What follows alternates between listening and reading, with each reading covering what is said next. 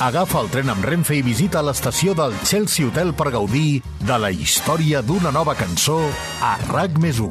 Amb Olga Suanya, el podcast on les cançons lliguen amb la història.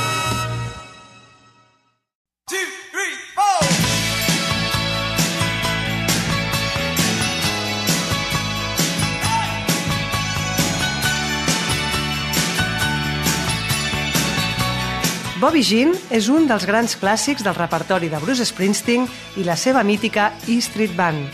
Va ser una de les últimes cançons que van enregistrar durant la gravació de Born in the USA. I en aquesta nova entrega del podcast del Chelsea Hotel us convidem a estirar el fil de la seva història. I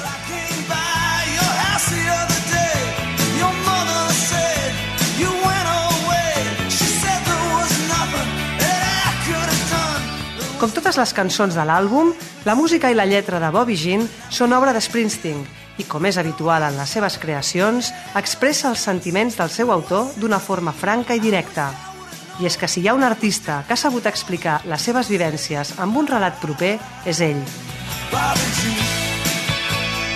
Les seves històries tenen la virtut de traspassar el context personal de l'artista de manera que connecta immediatament amb qui les escolta, i Bobby Jean no n'és una excepció. Aquest és un tema molt especial per Springsteen. No falta mai als seus concerts i en totes les actuacions on la toquen en directe aconsegueix una comunió especial amb el públic, tant si la interpreten en la versió fidel a la del disc o en alguna de les diferents versions que n'han fet al llarg de les darreres quatre dècades. Well.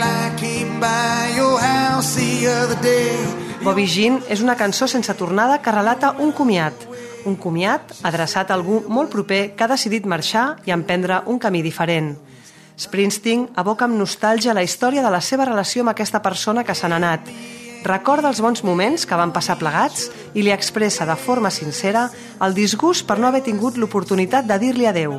I ho fa de la millor manera que ho sap fer, escrivint-li aquesta cançó. Say goodbye, my Bobby Jean. Però en qui pensava Springsteen quan va escriure Bobby Jean? Doncs ja us avancem que no podrem respondre a aquesta pregunta.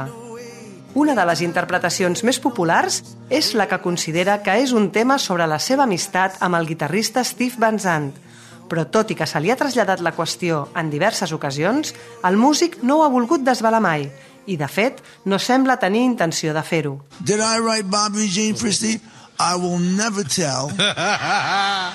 Little Steven, que és el sobrenom amb què també se'l coneix, es va incorporar a l'E Street Band el juliol de 1975 i durant gairebé una dècada va acompanyar The Boss en tots els seus treballs d'estudi i concerts. Però la tardor de 1984 va decidir deixar el grup i emprendre la seva carrera en solitari, una etapa que va desenvolupar fins al 1995. I diuen que Bobby Jean és el tema que Springsteen va decidir dedicar-li com a comiat.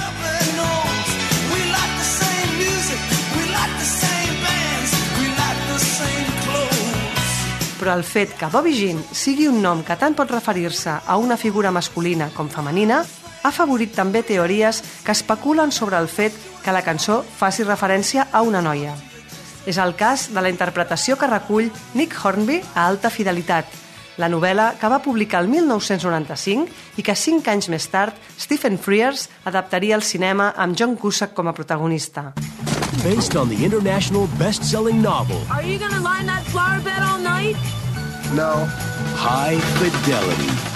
Les novel·les d'aquest escriptor britànic es caracteritzen pel tractament de les relacions humanes, una temàtica que aborda de manera realista però alhora tendra, a partir de personatges que són autèntics antiherois. I a alta fidelitat, tota aquesta tendresa s'aboca en el protagonista, Rob Fleming, un jove apassionat de la música pop, propietari d'una botiga de vinils del barri londinenc de Camden. El seu negoci funciona prou bé, però no tant la seva vida sentimental, així que decideix trucar a noies que han estat les seves xicotes per esbrinar quin record guarden d'ell. La idea a priori se li fa estranya, però llavors s'adona que de fet és el que fa Springsteen a moltes de les seves cançons i recorda explícitament que és el que fa a Bobby Jean. Hornby ho relata així a la versió en català del llibre. Ell truca per telèfon a una noia, però li diuen que se'n va anar de la ciutat fa anys i li fot molt no haver-ho sabut abans, perquè li hauria agradat acomiadar-se d'ella, dir-li que la trobava a faltar, desitjar-li bona sort. I llavors entra un d'aquests solos de saxo dels que et posen la pell de gallina, si és que et van els solos de saxo i Bruce Springsteen. Vaja, m'agradaria que la meva vida fos una cançó de Bruce Springsteen. A la versió cinematogràfica, el text d'aquesta escena es va reconvertir en una conversa imaginària entre el protagonista, que interpretava John Cusack, i el mateix Bruce Springsteen, que era el primer cop que actuava en una pel·lícula. You know, like a Bruce Springsteen song. You call, you ask them how they are, and see if they've forgiven you. Yeah. A la seqüència, cap dels dos personatges cita directament Bobby Jean, però la referència és prou explícita. Thanks, boss. El Bona sort adeu de Springsteen enllaça amb el darrer vers de la cançó previ al llegendari solo de Clarence Clemons, que tanca el tema amb una magnífica coda que ha quedat per sempre en el record de tots els seguidors de The Boss.